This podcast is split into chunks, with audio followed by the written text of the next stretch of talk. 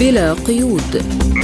برنامج واسع الطيف نطلعكم فيه على آخر المستجدات على الساحة العربية والعالمية. حصريا من إذاعة سبوتنيك.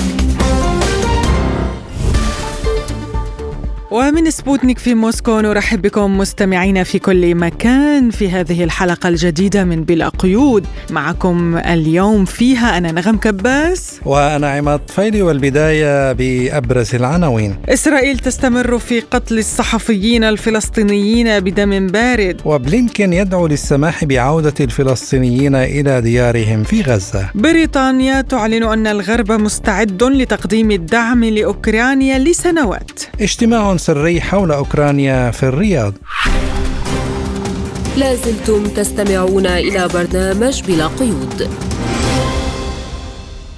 ونبدأ بملف النزاع الفلسطيني الإسرائيلي إذ صرح وزير الخارجية الأمريكي أنتوني بلينكين أنه لا ينبغي الضغط على الفلسطينيين لإعادة توطينهم خارج قطاع غزة. ومن الضروري السماح للمدنيين الفلسطينيين بالعودة إلى ديارهم بمجرد أن تسمح الظروف بذلك. وذكر أن إدارة تل أبيب قبلت خطة تتضمن إجراء بعثة تقييم من قبل الأمم المتحدة تحدد ما يجب القيام به للسماح للفلسطينيين النازحين بالعودة إلى منازلهم في شمال القطاع. ولفت بلينكين إلى أن الخطة لا تحدث بين عشية وضحاها وأن هناك تحديات خطيرة تتعلق بالبنية التحتية والإنسانية مشددا على أن واشنطن ترفض أي مقترح يدعو إلى إخراج الفلسطينيين من غزة وإنه من المهم أن يكون هناك طريق للفلسطينيين فيما يتعلق بحقوقهم السياسية. ووصل بلينكين إلى إسرائيل في زيارة هي الخامسة منذ بداية الحرب في 7 أكتوبر تشرين الأول الماضي في إطار جولة إقليمية بدأها بتركيا واليونان وشملت أيضا السعودية والأردن وقطر والإمارات. وللتعليق على هذا الموضوع نستضيف من رام الله القيادي في الجبهة الديمقراطية لتحرير فلسطين السيد رمزي رباح. أهلا بك سيد رمزي في حلقة اليوم من برنامج بلا قيود. ونبدأ من تصريح بلينكين بأن إسرائيل أكدت للولايات المتحدة أنها لن تقوم بطرد الفلسطينيين من غزة. ما صحه هذه آه، التصريحات برأيك في ضوء وضع الهجرة المتفاقم بالفعل في المنطقة؟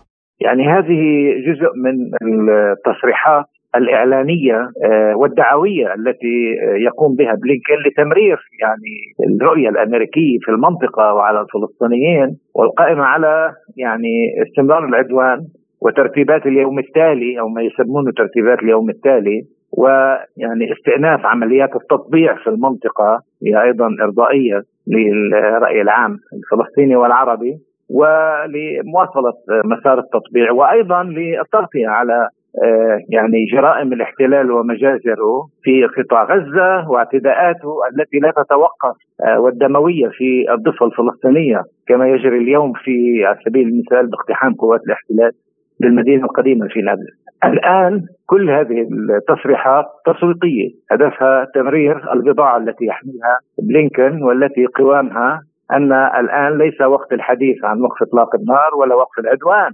الآن الحديث يجري على آه، يعني تغيير التكتيكات العسكرية الإسرائيلية ومن ضمن الموضوع آه، وقف استهداف المدنيين وتهجيرهم. لكن هذا الأمر ما ليس له علاقة بالواقع. يعني من يرى المجازر اليومية والقصف الوحشي اليومي والجرائم التي ترتكب كل يوم بحق مئات الشهداء الفلسطينيين والجرحى يدرك أن المشروع الإسرائيلي آه، هو اجتثاث الشعب الفلسطيني ويعني تهجيره القرار ليس عند بلينكن الآن الآن عندك نتنياهو وحكومته. وحكومة نتنياهو ومن يتحكم بها عمليا المتطرفين العنصريين يتحدثوا صراحة وبلا مواربة عن التطهير العرقي وعن التهجير وعن طرد الفلسطينيين. وهذا يجري تنفيذه بأدوات عسكرية وأمنية يستخدمها جيش الاحتلال الإسرائيلي.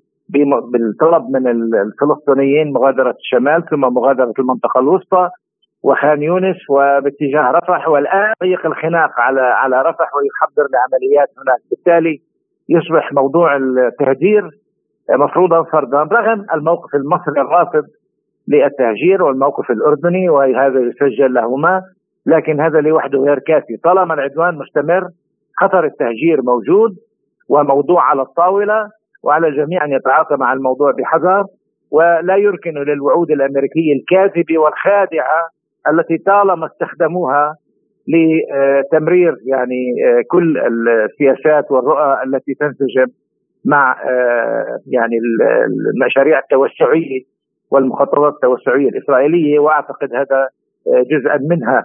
وبالتالي يعني المطلوب يعني موقف دولي هنا يعني. رادع لإسرائيل وموقف عربي رادع لاسرائيل لمنع التهجير من خلال وقف العدوان. هذا هو الأساس والسماح للمهجرين من منطقة الشمال أن يعودوا إلى بيوتهم ومناطقهم حتى لو كانت معظمها مدمر لكن على الأقل أن يعني يكونوا فوق أرضهم. الفلسطينيين يرفضوا التهجير الفلسطينيين يدركوا ليس هناك هجرة مؤقتة. هذا جربوه عام 48 الهجرة المؤقتة تعني هجرة دائمة واقتلاع وهذا هو طبيعة المشروع الصهيوني السيطرة على الأرض وتهجير السكان في إطار عملية تطهير عرقي وهذا ما يمارس. سيد رمزي وسائل إعلام إسرائيلية تتحدث عن أن وزارة الصحة الإسرائيلية وجهت المستشفيات بالاستعداد لاستقبال آلاف الضحايا هل يعني ذلك أن تل أبيب لا تزال تستعد لحرب شاملة مع لبنان؟ طبعا هذا هذا ممكن ومتوقع لأنه المواجهة في لبنان تتدحرج باتجاه التوسع. وكل الحديث وهي واحدة من أهداف جولة بلينكن أن رقعة المواجهة إلى حرب شاملة لا في لبنان ولا في البحر الأحمر ولا غيره. وبالتالي آه، هو يريد أن يهيئ الأجواء لإسرائيل آه، حكومة الاحتلال لكي تستفرد بالشعب الفلسطيني. الجبهات المساندة للشعب الفلسطيني والمدافع عن آه، يعني حياته ووجوده وحقوقه ومنع تصفية التصفية الجسدية والسياسية للفلسطينيين من جبهه جنوب لبنان حزب الله مواقفه الرائعة مع الشعب الفلسطيني وأيضا من البحر الأحمر وأنصار الله. أنا أعتقد يعني هذا يزعج الأمريكان ويخربط حساباتهم لأنه الأمريكان وهذه واحدة من أهداف جولة بلينكن تهيئة الأجواء لاستعادة آه، جسر التطبيع العربي الإسرائيلي لأن هذه الاستراتيجية الأمريكية تقوم على ترتيبات إقليمية في الشرق الأوسط أساسها التطبيع ودمج إسرائيل في المنطقة وبالتالي آه، يعني آه، إحكام السيطرة التي تخدم الاستراتيجية الأمريكية في المنطقة أمام تنامي وتعاظم دور الصين وروسيا وإيران وتركيا و يعني إقليمية أخرى. أنا أعتقد الموضوع التوسيع رقعة المواجهة هذا وارد جدا خاصة أن نتنياهو يقرع طبول الحرب ليل نهار مع لبنان ويمكن أن تأخذ هذه الحرب منحى توسعي في المرحلة القادمة آه، لأن آه، قواعد الاشتباك التقليدية يعني داخل في إطار السبعة كيلومتر آه، في الحدود وعمقها. جرى تجاوزه. الآن هناك يعني قصف يجري لبلدات ومدن في جنوب لبنان. يرد عليها حزب الله بقصف في مواقع عسكرية في العمق مثل يعني معسكر ميرون والان مقر القياده الشمالية في صفد. أعتقد هذه الحرب يمكن أن تتسع رغم أن كل الأطراف ليس يعني لها مصلحة بأن تتحول إلى حرب شاملة لكن بالتأكيد هذا شكل من أشكال الحرب المقننة والمضبوطة نستطيع أن نقول يعني آه ويمكن أن تستمر هكذا آه لتخفيف الضغط على الشعب الفلسطيني وتخفيف المجازر التي ترتكب يعني في قطاع غزة. ولكن بما تتميز الحرب مع لبنان عن ما يجري في غزة برأيك هل آه، تأخذ إسرائيل قدرات المقاومة اللبنانية الهائلة في عين الاعتبار مثلا؟ بالتأكيد الحرب آه، يعني هذا المحللين العسكريين الإسرائيليين تحدثوا عنه بوضوح أيضا يعني أن الحرب في لبنان مكلفة أكثر آه، قدرات حزب الله أكبر بكثير وعمقه الاستراتيجي آه، يعني موجود وهو غير محاصر مفتوح يعني حدود وقوس كبير يعني يمتد من لبنان لإيران في امداده في دعمه وكذا. لكن يعني آه، حزب الله بالتأكيد لديه قدرات آه، بمعنى إسرائيل تحسب حساب للخسائر أكبر بكثير من من قطاع غزة ذات الإمكانيات المحدودة والسلاح الدفاعي فقط. يعني الموجود في قطاع غزة مع طبعا مع سلاح ردع يعني صاروخي. لكن في لبنان قدرات تسليحية عالية جدا وإمكانيات قتالية عالية جبهة إسناد مفتوحة. أنا أعتقد الإسرائيليين يحسبوا حسابات كثيرة وإلا كانوا وجهوا ضربة لحزب الله. يعني رادعة تحت عنوان إخراج قوات حزب الله إلى شمال الليطاني. هذا لم يقع وبالتالي هم يهددوا بذلك لكن يدركوا أن الثمن سيكون باهظ جدا. على من يعني من ناحية أخرى بالتاكيد يعني فشل إسرائيل في حسم المعركة عسكريا في غزة يعيق قدرتها على فتح جبهة ثانية وبذات الوقت العكس صحيح يعني لو استطاعوا أن يحسموا المعركة في غزة لكن يعني كانوا سينتقلوا لجنوب لبنان بطبيعة الحال. المقاومة في غزة صمود الشعبي درجة التحمل بساله المقاومة في المواجهة والحاق خسائر بالاحتلال أجبرت الاحتلال أن يسحب جزء من قواته من داخل المدن داخل البلدات لأنها تتعرض لخسائر يومية وسحب خمس ألوية من شمال القطاع معبر عن عن ذلك. هذه ليست كما تدعي أمريكا الإدارة الأمريكية أنها مرحلة ثالثة. هذا قرار الجيش وأجهزة الأمن الإسرائيلية أن هذه الحرب امامهم خيارين إما أن يحتلوا كل القطاع ويمشطوه بيتا بيتا وربما نفقا نفقا أو أنهم ضربوا ضربة عملوا تدمير شامل هجروا ألحقوا خسائر في البنى التحتية لا يمكن أن تعوض بسهولة جعلوا حياة الناس جحيم وبالتالي سحبوا الجيش الآن سحبوا جزء من الجيش من الفرق إلى الغلاف أو إلى مناطق أمنية في الغلاف. أنا أعتقد عدم تمكنهم من الحسم في غزة هو الذي يعيق تأثير أو إمكانية نقل المعركة لجنوب لبنان وقدرات حزب الله العالية ودرجة الالتفاف الشعبي والدعم الشعبي له والسياسي كبير في لبنان أيضا يعني هذا يعيد قدرتهم على إنجاز هذا. البعثة الروسية في مجلس الأمن أعلنت أن الولايات المتحدة أدرجت في قرار مجلس الأمن الدولي ترخيصا لقتل المدنيين الفلسطينيين، يعني هل يمكن القول أن الموقف المبدئي للبيت الأبيض هو الذي تسبب في مقتل آلاف الفلسطينيين؟ هذا صحيح وربما يعني حديث المندوب الروسي كان يعني دقيق ومعبر جدا أن من يقف خلف هذه الحرب وخلف هذا القتل والمجازر. الإدارة الأمريكية منذ اليوم الأول لاحظ أن العمليات البرية الإسرائيلية لم تبدأ قبل وصول الأسطول حامل الطائرات والمدد أو الإمداد العسكري والضباط والجنرالات الذين يعني يشاركوا في غرف العمليات الإسرائيلية. بعد ذلك بدأوا عمليات برية، استغرق الموضوع حوالي 11 يوم قبل أن يبدأوا، وبالتالي الإدارة الأمريكية هي المسؤولة عن كل شيء. وهي التي تستطيع أن توقف أصلا هذا العدوان وهذه المجازر وهذه هذه الإبادة الجماعية التي يتعرض لها الشعب الفلسطيني. رخصة القتل التي أعلن عنها صحيح تماما في من الجانب الإدارة الأمريكية باعتبار هذا قرارها ومنذ اليوم الأول ويعني لا تنسى أن الرئيس بايدن شخصيا وبلينكن ووزير الدفاع لويد وآخرين أوستن وآخرين شاركوا بالكابينة الحرب في مجلس الحرب الإسرائيلي واجتماعاته وغرف العمليات وكانوا ولديهم جنرالات يعني يتابعوا تنفيذ هذه الخطط ضد الفلسطينيين. 150 طائرة نقلت أسلحة ولا زالت بسير جوي مش مسبوق غير مسبوق. أكثر من 40 سفينة نقل للذخائر والصواريخ وأطنان القنابل التي تنهمر على رؤوس الأطفال والنساء.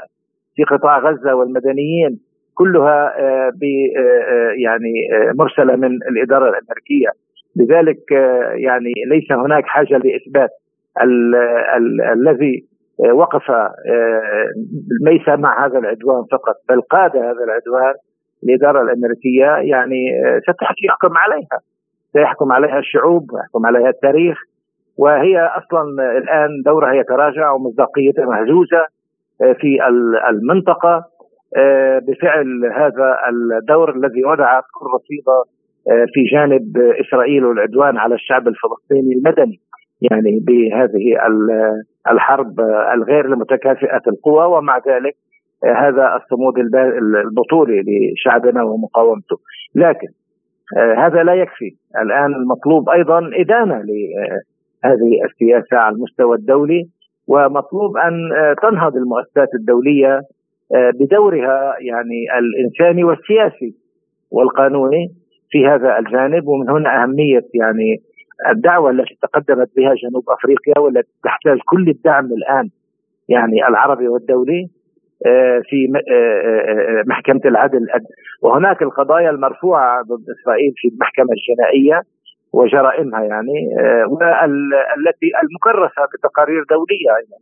وبالتالي الآن هذه الدعوة سيتوقف عليها الكثير وقد تكون يعني كرة الثلج المتدحرجة التي تنتهي بإدانة وعزل إسرائيل وربما يعني اتخاذ إجراءات عقابية صارمة ضدها لا تستطيع الإدارة الأمريكية أن توقفها إذا ما جاءت على يد مؤسسات دولية مارست حد أدنى من التوازن في دورها. القيادي في الجبهة الديمقراطية لتحرير فلسطين رمزي رباح شكرا لك على هذه المداخلة. شكرا لكم. لازلتم تستمعون إلى برنامج بلا قيود. وفي سياق متصل قتل نحو 110 من العاملين في وسائل الإعلام خلال الصراع في الشرق الأوسط خلال ثلاثة أشهر وفقا لمكتب العلاقات الإعلامية في قطاع غزة. ففي الأشهر الثلاثة التي تلت بداية تصعيد الصراع في الشرق الأوسط كان عدد الصحفيين الذين قتلوا في فلسطين أكثر بكثير من الصحفيين الذين قتلوا في أوكرانيا خلال عامين.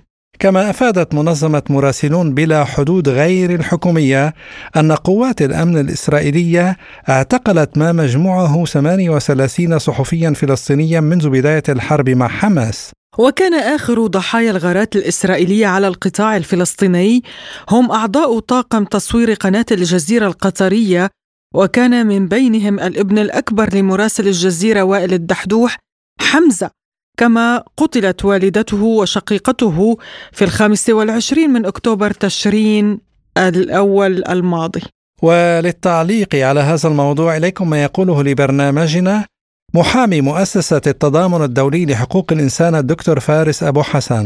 ليس فقط الحديث عن 110 شهداء من الصحفيين ولكن أيضا هناك عائلات الصحفيين أيضا آه، قتلت في استهداف للمدنيين في قطاع غزة، هناك العشرات أيضا من الصحفيين الذين تم يعني قتل ذويهم، أسرهم، آبائهم، أمهاتهم، أطفالهم، وبالتالي هي جريمة يعني آه، يندى لها الجبين بحق السلطة الرابعة في فلسطين، بالإضافة للجرائم التي يرتكبها الاحتلال في قطاع غزة هناك أيضا جرائم يرتكبها الاحتلال أيضا في الضفة الغربية بحق الصحفيين، هناك صحفيين أيضا في الضفة سقطوا شهداء وجرحى وهناك أيضا معتقلين آه، بالعشرات آه، في الضفة الغربية من الصحفيين الذين يعملون في آه، رصد الواقع والانتهاكات الإسرائيلية ونقل الصورة والحقيقة للعالم. وعن إمكانية محاسبة إسرائيل على جرائمها ضد الصحفيين الفلسطينيين واللبنانيين يقول أبو حسن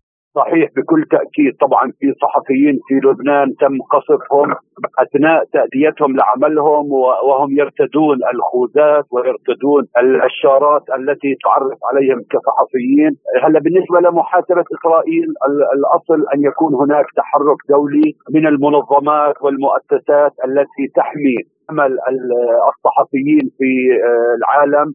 طبعا كل السياسيين وكل يعني ممثلين الحكومات الغربية صرحوا بأسفهم ويعني انزعاجهم وحزنهم وكان آخر هذه التصريحات ما صرح به بلينكن آه، بخصوص ما تعرض له الصحفي في الجزيرة وائل الدحدوح آه، من إعدام آه، ابنه بالإضافة لصحفي آخر برفقته.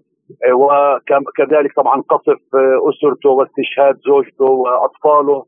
يعني هذه التصريحات للأسف والحزن لا تكفي طبعا لوقف هذه الجرائم بحق الصحفيين. إسرائيل طالما أنها تأمن العقاب فهي ستستمر في إساءة الأدب واستمرارها في الانتهاكات بحق الصحفيين. المطلوب تحرك دولي لمحاسبة إسرائيل على جرائمها بحق الصحفيين. وفيما إذا كان المجتمع الصحفي الدولي مستعد للنضال من أجل حقوق الصحفيين الفلسطينيين يقول أبو حسن المبادئ الأخلاقية والمهنية تحتم آه، على الصحفيين على المستوى الدولي آه، أن يأخذوا يعني على عاتقهم محاسبة إسرائيل وملاحقتها على هذه الجرائم، هناك التزام أدبي لهؤلاء الصحفيين وأخلاقي ومهني آه، عليهم أن يتحملوا مسؤولياتهم ويدافعوا عن زملائهم وأن يوقفوا هذه المجازر بحقهم. طبعا الصحفيين هناك يعني لا شك إنه تحركات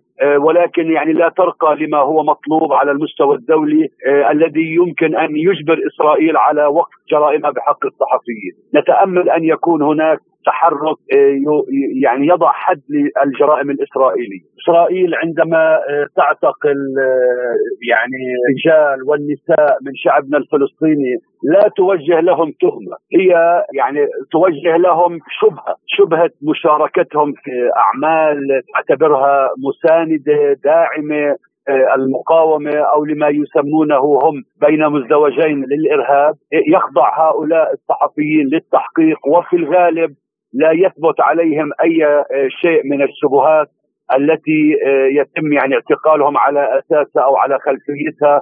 يعني وطبعا في كثير من الصحفيين تم اعتقالهم أثناء تغطيتهم لأحداث المواجهات في الضفة الغربية أو في قطاع غزة.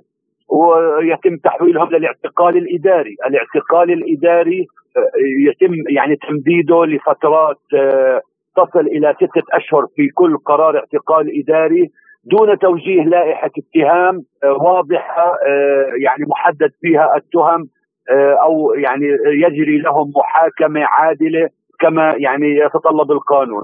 اعتقال إداري جائر ظالم يستمر في الصحفي أو يمضي في الصحفي داخل السجون لسنوات. وطبعا لا يخفى آه، على حضرتك أخي الكريم وعلى الجميع ما يتعرض له الآن الأسرى الفلسطينيين في سجون الاحتلال.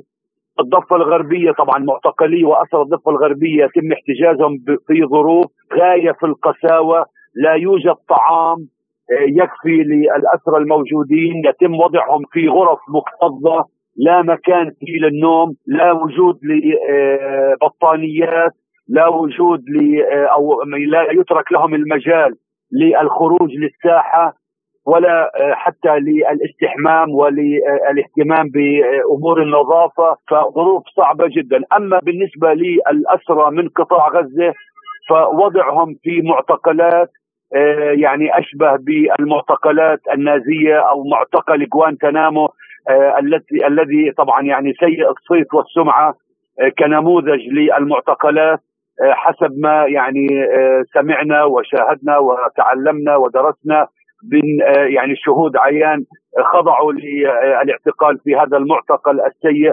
هناك أيضا يعني شكاوى عديدة لأسرى فلسطينيين من قطاع غزة حول الظروف التي يتعرض لها الأسرى من قطاع غزة. آه، يعني آه، آه، لا يمكن وصف المعاناة التي يعانيها الأسرى. احتجازهم وهم عراة تحت الشمس وتحت المطر وفقط هي سياج يعني على الرمل يعني ظروف غاية في القساوة لا يمكن يعني وصفها أو التحدث عنها بشكل يعني تفصيلي لأنه حتى هذه اللحظة إسرائيل تمنع المؤسسات الحقوقية والصليب الأحمر والمؤسسات الدولية المختلفة من زيارتهم في هذه المعتقلات في صحراء النقب. كان هذا تعليق المحامي في مؤسسة التضامن الدولي لحقوق الإنسان الدكتور فارس أبو حسن.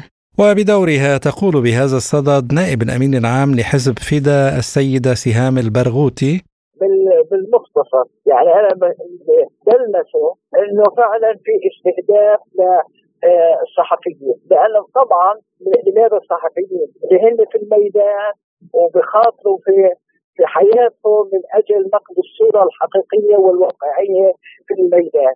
وبالتالي حتى يتم عملية تكتيم الصورة الفعلية للكارثة الإنسانية وللإبادة الجماعية التي تجري الآن في آه، غزة ومع سياسة التجويع والتلويح بالتهجير القسري وكل هذه الكوارث حتى لم لا يتم عملية نقل هذه الصورة للعالم وتحشيد وتجميد الرأي العام العالمي حول القضية الفلسطينية وحول اهميه وقت اطلاق النار لذلك فعلا في ازدياد لاستهداف الصحفيين في الميدان.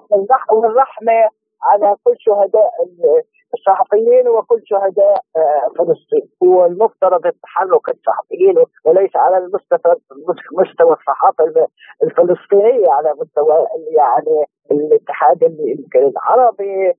هذا إنه بالفعل هذا قطاع بسبب مهنته اللي كل التقدير والإحترام لهذه المهنة بخاطر بحياتهم بخاطر بحياتهم من أجل فعلا نقل الحقيقة والصورة. وهذا أكيد يجب أن يكون في هناك آه، تحرك وهذا آه، يعني بعتبر من اتحاد الصحفيين من نقابات الصحفيين العرب بدءا ما بتدخلوا جهدا لدعم لدعم الشعب الفلسطيني في نيل حقوقه طبعا أنا بعتبر الاعلام الفلسطيني آه، أساس مادي للتحريض ضدهم. وبالتالي وأنت شوف يعني معركتهم مع الشعب الفلسطيني بالقتل والاعتقالات والعقوبات الجماعية أيضا كوي وعينا كانه لأنه حتى لا يكون هناك مناعضه ومقاومه للاحتلال والدور النضالي للشعب الفلسطيني بكل فئاته وبالتالي معنيين جدا بقضية إنه آه، آه، تمويت خلينا نقول هذه آه، هذه الصورة من خلال استهداف آه، الصحفيين. ويعني كان مثال على ذلك لما اغتيال الشهيد شيرين أبو عاقله وتبعوا الآن في شوف يعني عدد الصحفيين في غزة وهون في باستمرار تكثر اعتقالات للصحفيين. يعني أنا بشوف يمكن بالفعل الدور اللي لعبوه ليش تغير الراي العالمي خلينا نقول في في الميدان في الشارع الأوروبي وأمريكا آه واضح تماما من الدور الإعلامي اللي قاموا فيهم الاعلاميين على المستوى العالم كله، يعني حتى وصلت إنه تكون القضية الفلسطينية في صدارة اهتمام الأحرار من العالم، ودائما بكررها إنه مش بال, بال بالشيء المسموع ولا المقروء الدور الكبير لوسائل التواصل الاجتماعي اللي أثر بشكل كبير في في توضيح الصورة والواقع والحقيقة والرواية الفلسطينية. لازلتم تستمعون إلى برنامج بلا قيود. وإلى الشأن الأوكراني حيث أفادت وسائل إعلام أمريكية أن الولايات المتحدة رفضت خطة مهاجمة أوكرانيا لشبه جزيرة القرم في عام 2022 ونصحت بإرسال قوات إلى خيرسون بدلا من ذلك. ووفقا لها أراد القائد العام للقوات المسلحة الأوكرانية فاليري زالوجني تنفيذ هجوم مضاد في عام 2022 من أجل عزل شبه جزيرة القرم من خلال التحرك نحو بحر أزوف عبر منطقة زاباروجيا. ووافق زيلينسكي على هذه الخطة خلال المناقشات مع الغرب وطلبت كييف من واشنطن 90 مدفع هاوترز وإضافي وكميات إضافية من ذخيرة المدفعية لتنفيذ خططها. لكن الولايات المتحدة رأت أن القوات الأوكرانية لن تكون قادرة على تحقيق ذلك وسيكون لهذا الفشل عواقب كارثية محتملة. وقال مسؤول كبير في البنتاغون شارك في تلك المناقشات. إن السبب الذي أوصينا به بالقيام بذلك في خيرسون هو أنه لم يكن لدى القوات الأوكرانية الأفراد المدربين والمعدات اللازمة للذهاب جنوبا لكن هناك سيتم سحقهم. وللحديث حول هذا الموضوع ينضم إلينا عبر الهاتف الباحث السياسي فادي عيد. أهلا بك أستاذ فادي في برنامج بلا قيود يعني وسائل إعلام أمريكية كشفت عن خلاف بين واشنطن وكييف حول الخطط العسكرية هل يمكن أن نعتبر أن هذا الخلاف وعدم وجود استراتيجية واضحة ومتفق عليها في الميدان سبب فشل الهجوم المضاد؟ تمام جزء جزء رئيسي لكن في جزء اكبر لو وهو إيه؟ ما حدث حرب أو انشغال الولايات المتحدة بإسرائيل وحربها على غزة جعل الكييف تشعر بنوع من الزنجرة وال والقلق من قلة الدعم الغربي والأمريكي وهذا حدث. إحنا دخلنا عام 2024 عجز في الميزانية الأوكرانية يتخطى 41 مليار دولار أرقام كلها سيئة جدا الاقتصاد الأوكراني أداء عسكري أوكراني أسوأ من أي مرحلة مرت كل ده بسبب عدم أو عدم حسن التنسيق ما بين واشنطن وكييف كما ذكرت حضرتك والأهم انشغال الولايات المتحدة والغرب أكثر بإسرائيل. أيضا أستاذ فادي مجلس الشيوخ الأمريكي يقر بنفاذ الذخيرة الأوكرانية، هل تعتقد أن الولايات المتحدة جاهزة لتقديم المزيد من المساعدات لكييف لا سيما قبل الانتخابات الرئاسية؟ بالاحرى ستضغط على بعض الأطراف الأوروبية لتقديم الدعم العسكري لكييف، أقول كم مرة أمريكا هتقوم بالضغط على بعض الدول الأوروبية بعينها لتقديم الدعم العسكري لكييف، أتوقع أكثر الدول ممكن يبقى عليها هذا الضغط هي بلجيكا، الدول الإسكندنافية، لأن ألمانيا استنزفت بما فيه الكفايه، فرنسا قدمت ولا تريد أن تكون لا تريد أن تكشر عن أنيابها أو أن تغضب فلاديمير بوتين. إن هناك علاقات فرنسية روسية. لا يريد ايمانويل ماكرون أن يخسرها بأي شكل من الأشكال حتى بعد دخول الجيش الروسي لأوكرانيا. وزارة الخارجية البريطانية قالت إن الدول الغربية مستعدة لتقديم الدعم لأوكرانيا لسنوات، يعني فهل زعماء أوروبا مستعدون حقا للتضحية برفاهة شعوبهم؟ من أجل الأهداف غير الواضحة في أوكرانيا هل هي محاولة بريطانية لإنقاذ أمريكا من دفع الفاتورة وإلصاقها بالأوروبيين؟ لو رجعنا بالذاكرة لورا كده لسنين قليلة الآن بريطانيا عشان خرجت من البريكسيت والاتحاد الأوروبي لكي تكون هي زعيمة على القارة العجوز وشفنا بعدها ما حدث من خروج بريطانيا من الاتحاد الأوروبي ما حدث لفرنسا من اضطرابات غير عادية من دول أوروبية عديدة ده كان يقول لنا إن كان هناك مخطط لإضعاف أوروبا وقد كان تم ضعفها اقتصاديا تم إجبارها بالدخول والتورط في الملف الأوكراني وده أمر مفروغ منه. بريطانيا تبقى هي العقل الذي حرك الولايات المتحدة والذي يحرك الأوروبيين بالعصا، هذا أمر مفروغ منه، فبريطانيا الآن ليست تنقذ الولايات المتحدة بقدر ما هي تورط الأوروبيين أكثر وأكثر وتفرض كلمتها كسيدة وكقائدة على القاره العربيه. بسكوف حث على عدم نسيان الهجمات على الأراضي الروسية بالأسلحة الغربية. هل هذا يعني آه، أن نتوقع تدهورا لا رجعة فيه في العلاقات بين روسيا والغرب؟ العلاقات بين روسيا والغرب متدهورة أساسا وجاء الملف الأوكراني وقطع آخر حبل وصول بين موسكو والغرب لكن الفكرة هل الغرب أو السؤال المفروض يصير دلوقتي هو هل الغرب يقدر يتحمل بقاء دعمه السنوات القادمة وحتى شهور قادمة لأوكرانيا؟ في ظل ما يحدث وفي ظل الأرقام الاقتصادية لكافه الدول الأوروبية ساعتها ده انتحار لأوروبا. وصعب قوي أو من الغباء السياسي إن قادة أوروبا ينتحروا من أجل زيلينسكي لا قيمة له. ملف الأوكراني كله لا قيمة له في مصالح دولة مثلا زي أسبانيا أو بلجيكا أو إيطاليا أو فرنسا. إيه الأولويات لست أغلب شعوب هذه الدول أساسا بينه وبين قياداته أو زعماء الدول مشاكل.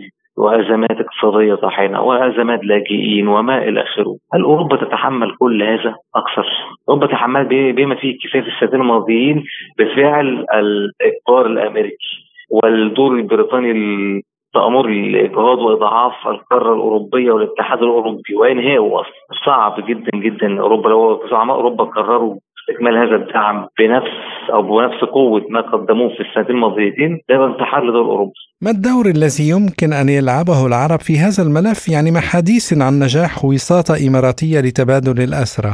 بالتحديد أكثر يتكلم عن الدور الإماراتي نفسه يعني في الفترة اللي فاتت هي اللي كانت تقدمت بوساطة لموسكو بحكم علاقتها القوية ومصالحها قوية بموسكو نفس الكلام بحكم علاقتها غير سلبية بكييف ولعبت دور قدرت تنجح فيه والأكثر من مرة يعني من شهر يونيو السنة الماضية وقبل الماضية والامارات كانت دايما تتقدم لكييف وموسكو ورقه الوساطة وتبادل الاسرى وقدرت تنجح في أكثر من مرة.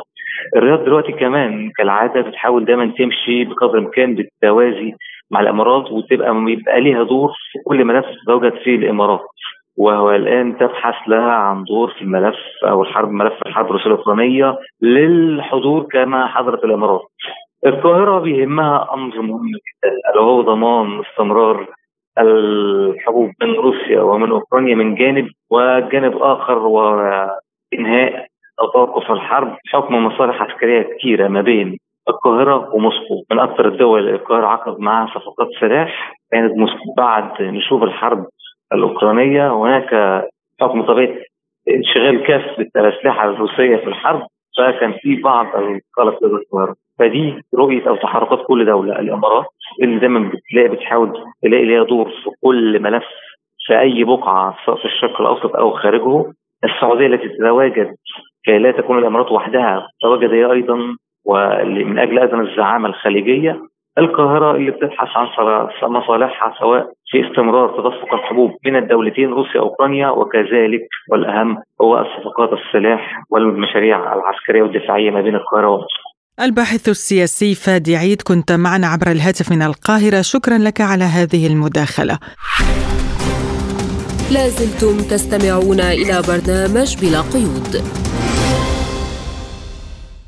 ونبقى في سياق متصل بالشأن الأوكراني حيث كشفت صحيفة أمريكية أن اجتماعا سريا جرى في الرياض بين مسؤولين أوكرانيين وغربيين من مجموعة السبع ودول الجنوب العالمي في السادس عشر من ديسمبر الماضي حول ما يسمى بصيغة السلام التي طرحها فلاديمير زيلينسكي. وبحسب المعلومات لم يتم إحراز أي تقدم يذكر في الاجتماع كما حاول حلفاء أوكرانيا خلال المناقشة حشد الدعم لشروط كييف في التفاوض مع روسيا. وفي الوقت نفسه واصلت أوكرانيا ودول مجموعة السبع مقاومة الدعوات الآتية من دول الجنوب العالمي للتعامل بشكل مباشر مع روسيا بشأن هذه القضية. ويشار إلى أنه بينما شاركت السعودية والهند وتركيا في الاجتماع لم ترسل الصين والبرازيل والإمارات العربية المتحدة ممثليها إلى الاجتماع. حول هذا الموضوع قالت المتحدثة باسم وزارة الخارجية الروسية ماريا زاخاروفا في تصريح خاص لسبوتنيك إن الاجتماع دعاية ومحاولة للفت الانتباه إلى نظام زيلينسكي. концепция привлечения политического внимания هذا مفهوم قديم ومتطور مفهوم جذب الاهتمام السياسي على وجه التحديد لنظام زيلينسكي هذه هي العلاقات العامة لنظام زيلينسكي إذا تحدثنا بمصطلحات العلوم السياسية فهذا نشاط مستمر في الفضاء الإعلامي والسياسي وفي جوهره موضوع زيلينسكي وجميع الأيديولوجيات الغربية التي طوروها ونشروها وهذا لا علاقة له بحل الأزمة الأوكرانية. إنها مواضيع مختلفة تماما. ومن نواح عديدة فإنها ببساطة تستبعد بعضها البعض لسبب واحد بسيط. لأن حل الوضع في أوكرانيا هو بالطبع عمل شق على المسارين السياسي والدبلوماسي. إنها مسألة مفاوضات واتصالات وما إلى ذلك. وهذا ليس مصير شخص واحد ولا عشرة أشخاص ومصالحهم التجارية والمالية والاقتصادية بل مصير شعوب ودول. هذا إذا كنا نتحدث عن الوضع في أوكرانيا والحل الحقيقي له والعلاقات العامة حول زيلينسكي. ومبادراته المزعومة للسلم وتصريحاته التي لا نهاية لها وظهوره على مواقع ومنصات مختلفة. كل هذا الضجيج تم إنشاؤه من أجل لحفظ عالي أم للنشاط السياسي وتحويل انتباه لجماهير العالمي بعيدا عن العمليات الحقيقية للتسويت لما حتم له ولهذا للسبب أقول إن هذه ليست مجرد أشياء مختلفة ولكنها أيضا متضادة. وللخوض أكثر في هذا الموضوع ينضم إلينا عبر الهاتف من الدوحة أستاذ العلاقات الدولية الدكتور علي الهيل أهلا بك دكتور علي في برنامج بلا قيود ونبدأ من هذا الاجتماع هل هو في الواقع إعلان لنظام زيلينسكي آه، ودعم له الذي فقد كل أمل في شن هجوم ناجح؟ لا بعد انشغال الولايات المتحدة الأمريكية في البحر الأحمر وفي غزة ضعفت السيطرة الأمريكية في الحرب الأوكرانية الروسية واستطاعت روسيا أن تزيد من نشاطها العسكري على كييف هل لرفع المعنويات؟ ربما لرفع المعنويات ولكن لنتذكر أن السعودية والإمارات ودول أخرى في العالم العربي بدأت الآن تذهب في اتجاه دول البريكس التي تقودها الصين وأبرز الدول الاعضاء فيها روسيا والهند والبرازيل وجنوب أفريقيا. والمملكة العربية السعودية والإمارات وإن عقد هذا المؤتمر بشأن اوكرانيا في السعودية هي محاولة وهي لبعث رسالة إلى الولايات المتحدة الأمريكية ولدول أوروبا الغربية بأن نحن لدينا خطوط رجعة. وإن استضفنا هذا هذا المؤتمر ولرفع معنويات الجيش الأوكراني ومعنويات زيلينسكي وحكومته ولكن هذا لا يعني أننا ما زلنا فقط مع عالم القطب الواحد الظالم المتغول الذي يقتل الأبرياء بدم بارد في غزة وفي الضفة الغربية وفي القدس المحتلة. لأننا نعرف أن الذي يقود المعركة ويدير المعركة في غزة أو الحرب في غزة هي الولايات المتحدة الأمريكية هي شريك أساسي في مجلس الحرب. شريك أساسي وطرف مباشر في الحرب على الشعب العزل وأمريكا بطائراتها وبذخائرها وبقنابلها المتنوعة بالام كي 86 وبصواريخ وقنابل البلو 101 وقنابل الألفي رطل هي التي قتلت حتى الآن مئة ألف بين قتيل بين شهيد وجريح ومفقود وأكثر من نصفهم. من الأطفال والنساء وكبار السن والمرضى والمدنيين العزل. وهذا سقوط أخلاقي مدون للولايات المتحدة الأمريكية التي تدعي أنها زعيمة العالم الحر. دكتور علي يعني دول الجنوب العالمي رفضت معاداة روسيا هل هذا يشير إلى فشل السياسة الخارجية الغربية برمتها؟ طبعا ليست فقط فشلت برمتها هي سقطت سقوطا أخلاقيا مدويا. أمريكا ألمانيا بريطانيا لا أقول أمريكا بريطانيا ثانيا ألمانيا فرنسا إيطاليا وكندا. هذه الدول النووية الست أو السبع التي دعمت الدولة النووية الوحيدة تقريبا في العالم العربي والشرق الأوسط وهي إسرائيل. هذه الدول كلها هزمت على مدى ال 95 يوما الماضية في غزة.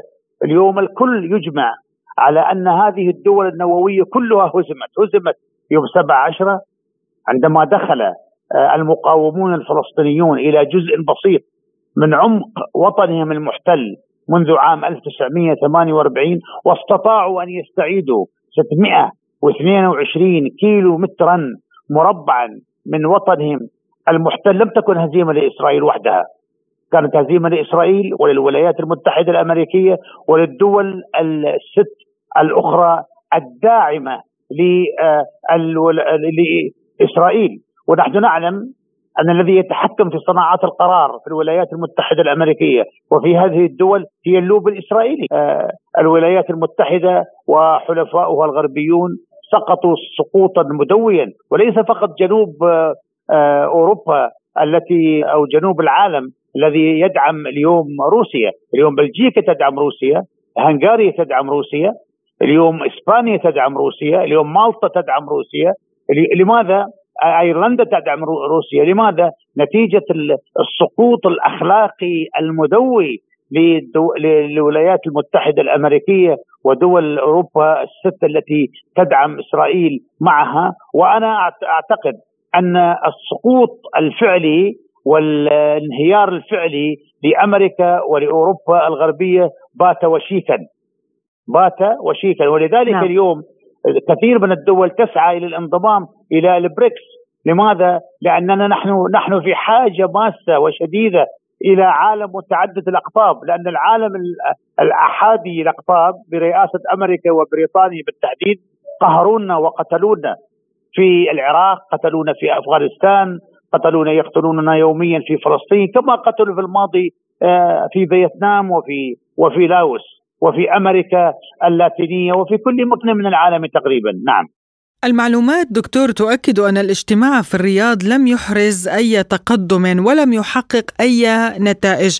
ما محاولات كييف التالية برأيك لزيادة أهميتها المتضائلة في نظر الغرب؟ بطبيعة الحال بطبيعة نحن نحن عرفنا ذلك أن هذا المؤتمر كان مجاملة. من المملكة العربية السعودية وشركائها لمجاملة الولايات المتحدة الأمريكية. وللقول إننا نقف في منتصف الطريق بين روسيا والولايات المتحدة الأمريكية من جانب ودول الاتحاد ودول الناتو التي تدعم أوكرانيا مع الولايات المتحدة الأمريكية، بطبيعة الحال يفشل لأن الولايات المتحدة استعملت المعايير المزدوجة، يعني هي مع إسرائيل لديها كيل ومع أوكرانيا لديها كيل آخر، يعني لماذا لم تقف ضد إسرائيل عندما دمرت غزة؟ دمرت غزة أكثر من مئة ألف بين شهيد وجريح ومفقود وجلهم من النساء والأطفال. أليس أليس للأمريكيين وللأوروبيين أطفال؟ أطفال ينتشلون أمواتا من تحت الأنقاض. مقابر تجرف. نازحون في الخيام تجرف الخيام بالنازحين الأحياء ويدفنونهم أحياء. يعني هذه هذا سقوط مدون ليس فقط لإسرائيل لإسرائيل ولأمريكا ولداعميها الغربيين. هذه هذه حكومات بلا ضمائر وبلا وبلا أحاسيس وبلا قلوب.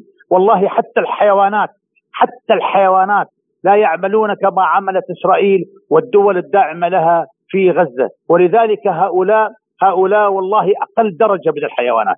أستاذ العلاقات الدولية الدكتور علي الهيل شكرا لك على هذه المداخلة.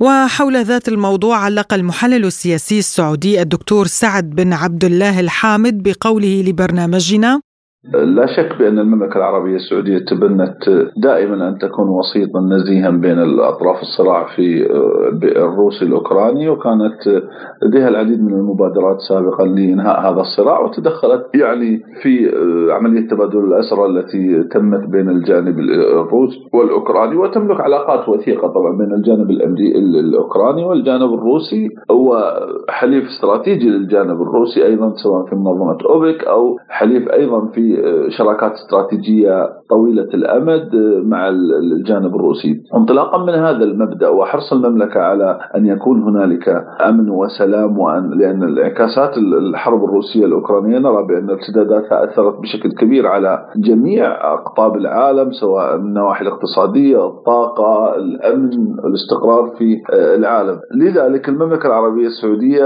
يعني تحاول بين الحين والآخر أن يكون لها يعني مبادرات تسعى من خلالها آه، لإنهاء هذا الصراع. ولا شك بأن الاجتماع هذا لا يعتبر يعني أنا من وجهة نظري كمحلل لا يعتبر آه، سري بمعنى سري لأن أيضا الجانب الروسي لديه اطلاع والمملكة حريصة أن تكون الجانبين الأوكراني والروسي آه، على اطلاع بما يدور وخاصة بأن هذا الصراع هم طرفين في هذا الصراع فبالتالي لابد أن يكون لديهم إلمام بما يدور في اي مبادرة أو وساطة من هذا النوع. الاجتماع طبعا بعض المصادر أشارت إلى أن هناك حشد لدعم هذه المبادرة والشروط الموضوعة من كييف بشأن هذه المفاوضات مع روسيا.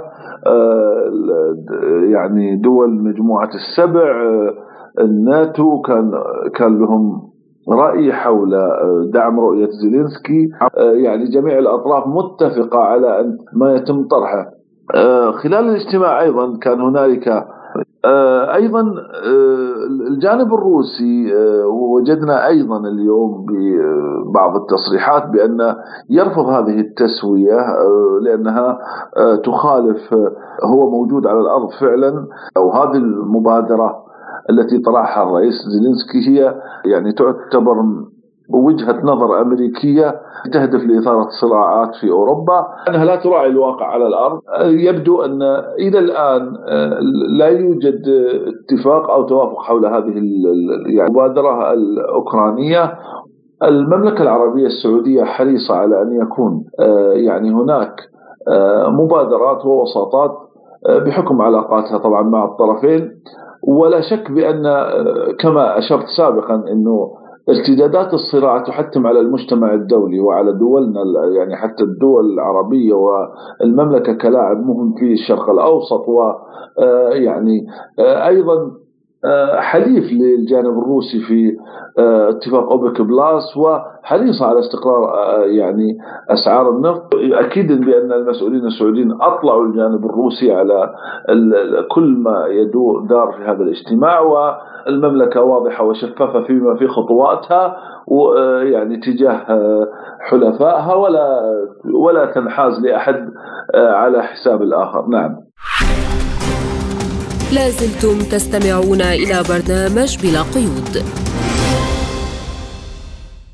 وفي ملفنا التالي العلاقات الثقافية بين الإمارات وروسيا إذ قال المسؤول الثقافي والشاعر عبد الله المهيري في حديث لسبوتنيك أن العلاقات بين الشعوب تؤدي إلى زيادة وتوطيد العلاقات بين الدول. آه، حقيقة آه، العلاقات الإماراتية الروسية هي علاقات قديمة وأيضا آه، الفترة ما شاء الله الحالية نجد ترابط كبير بين العلاقات الإماراتية الروسية ونحن دائما نرحب بالضيوف القادمين من روسيا وكذلك نحن تعتبر موسكو عندنا الوجهة المفضلة للسياحة في الفترة الحالية. وطبعا سبحان الله تجمع الشعوب وتبادل الأفكار هي اللي تبني الحضارات والعلاقات.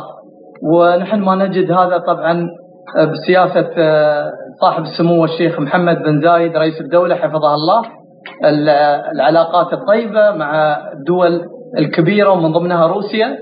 شيء يثلج الصدر صراحة. طبعا زيارة كبيرة من رئيس كبير آه، نرحب فيها كشعب الإمارات. ونفرح والله بزيارة الرئيس بوتن ونجد طال عمرك آه، صراحة يعني وجود بوتن في الإمارات آه، يعني تبين قوة هذه الصداقة والعلاقة والأخوة بين الإمارات وروسيا. وكذلك الشيخ محمد أيضا زار موسكو وزيارات هذه نحن نفرح فيها كشعوب وتعتبر لنا أبواب صداقات ومحبة لدولة كبيرة مثل روسيا. نحن جدا فخورين بزيارة بوتين لأبو ظبي حقيقة كيف ترون تقبل الشعب الروسي والزوار الروس للثقافة الإماراتية؟ طبعا الشعب الروسي شعب حبيب وصديق وتقبله يعني تقبل بالحفاوة جميع الزوار الإماراتيين في روسيا ماخذين انطباع طيب وعلاقات جميلة وكذلك هذا أثر في أن تكون موسكو الواجهة الأولى للسياحة وكذلك حفاوة الشعب الروسي بالشعب الإماراتي نغم بما أنك كنت مؤخرا في الإمارات ضمن مبادرة تعرف على الإمارات وزرتيها يعني هل لك أن تخبرينا عن هذه الجولة؟ الحقيقة عماد يعني أنا تفاجأت بوجود تنوع حضاري وثقافي وإرث عريق في دولة الإمارات العربية المتحدة لأننا كلنا ربما أخذنا صورة نمطية عن الإمارات بانها هي آه، برج خليفة أو التكنولوجيا الحديثة المستوردة من الغرب أو إلى ما هنالك. ولكن بالفعل في الإمارات يوجد أيضا آه، تنوع آخر أو وجه آخر لهذه الدولة العربية. ليس اهتمامها فقط في التطور العلمي والتكنولوجي وإنما أيضا الحفاظ على الإرث والتبادل بين الدول ومن هذه الدول روسيا التبادل الثقافي والحضاري. يعني كنا في آه، مدينة خورفكان وأيضا في مدينة إمارة الشارقة. آه، رأينا هناك آه، تنوع إرث وحضاري قديم كيف عاش سكان تلك المناطق قبل عشرات السنوات. بينما في دبي وجدنا مثلا نظرة الإمارات للمستقبل كيف يرى قادة الإمارات هذه الدولة بعد خمسين عاما. أين ستكون آه، التكنولوجيا الذكية السيارات الطائرة الاهتمام بالأنواع والكائنات المهددة بالانقراض مثل النباتات والحيوانات حتى أنهم وضعوا أكثر من ألف نموذج من هذه الكائنات آه، آه، تعريف الدول وزوار الإمارات عليها للاهتمام بها بشكل أكبر إضافة طبعا إلى أبو ظبي العاصمة والتي آه، تختلف عن بقية الإمارات ب جمالها وامتدادها كعروس على المياه وعلى آه، آه، عدة جزر جميلة. يعني أكثر من 200 جزيرة آه، خلابة رائعة الجمال. بالفعل عماد أنا تفاجأت بكل ما رأيته هناك. لازلتم تستمعون إلى برنامج بلا قيود.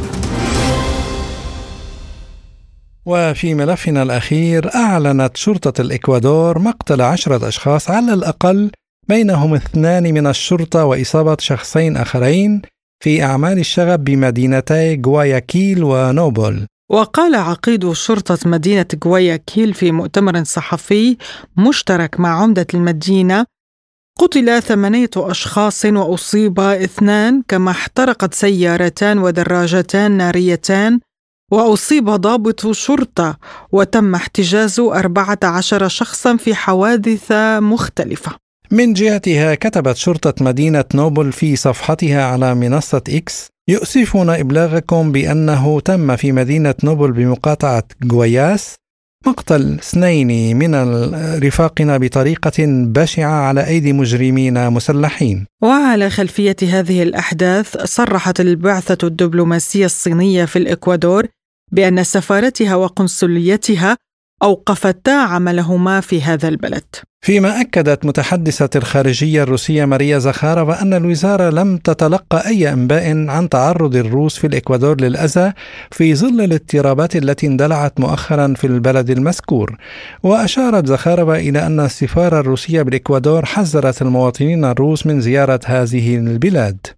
وبعد سلسلة من أعمال الشغب وهروب كبار زعماء العصابات من السجون بالإكوادور أعلن رئيس البلاد حالة الطوارئ لمدة 60 يوما لاستعادة السيطرة على نظام السجون.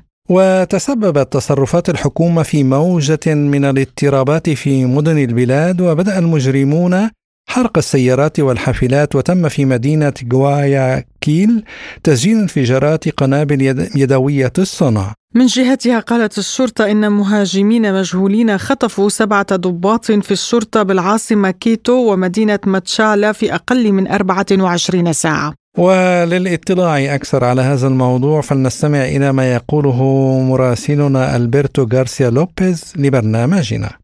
Что происходит в Эквадоре? Я могу сказать, что это происходит не сейчас. ما يحدث في الإكوادور ليس شيئا جديدا بل يعود إلى زمن الرئيس السابق لينين مورينو الذي خلال فترة رئاسته وكذلك رئاسة غير مولاسو أي ما يقرب من سبع سنوات حرمت وكالات إنفاذ القانون من السلطة وهذا بدوره أدى إلى زيادة في الجريمة وفي الإكوادور لم يكن لدى الشرطة الوطنية أسلحة لحماية المواطنين. حتى لو كان لديهم ذلك فلن يتمكنوا من استخدامه ضد المجرمين وقطاع الطرق لأن ذلك كان سيعرضهم للسجن. وهذا وفر مناخا ملائما لمختلف المنظمات الإجرامية بما في ذلك المنظمات الدولية. وفي الحقيقة فإن ما نراه الآن هو نتيجة لمثل هذه السياسة. الإكوادور في حالة حرب ضد الإرهاب والأهم هو يجب كسب هذه الحرب فإذا خسر خسرت الإكوادور فسيتم فقدان السيطرة على البلاد بالكامل.